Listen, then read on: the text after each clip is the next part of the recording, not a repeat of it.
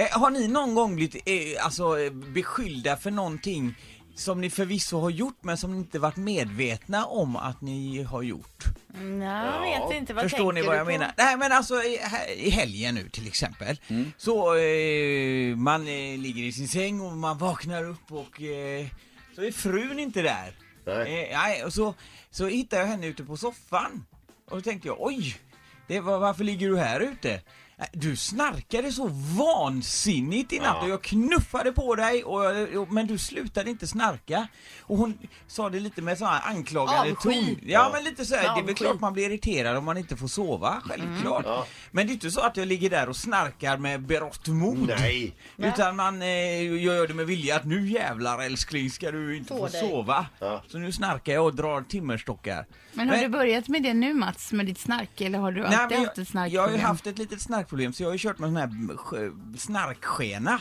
I- i- Som är, man ser ut som hockeyspelare när man eh, ligger och sover. Eh, Högst osexigt. Men det hjälper ju eh, för min del. Men nu hade jag inte den i eh, just den här natten. Jag har ju också vaknat flera gånger i natt av min man att han liksom snarkar till. Det här konstanta snarkandet, det är väl en sak, men när det kommer ett sånt här högt rätt som det då vaknar man Då blir man ju rädd. Då blir man ju rädd. Så då trycker jag ju alltid upp honom på sidan, så han får lägga sig på sidan istället. Men är det berättigat att bli arg på sin partner för att Ja, hans det är partner ju det snarkar? jag vill komma åt. Blir du arg på honom för att han snarkar eller har du överseende med det? Men i sådana här tillfällen har jag överseende, men när han är full och det inte går att trycka upp honom på sidan, när han liksom stretar emot, då blir jag ju Ja förbannad. men då får du ju springa med hinkar och Precis, grejer också. då, då spyr ju han på tapeten har du också berättat.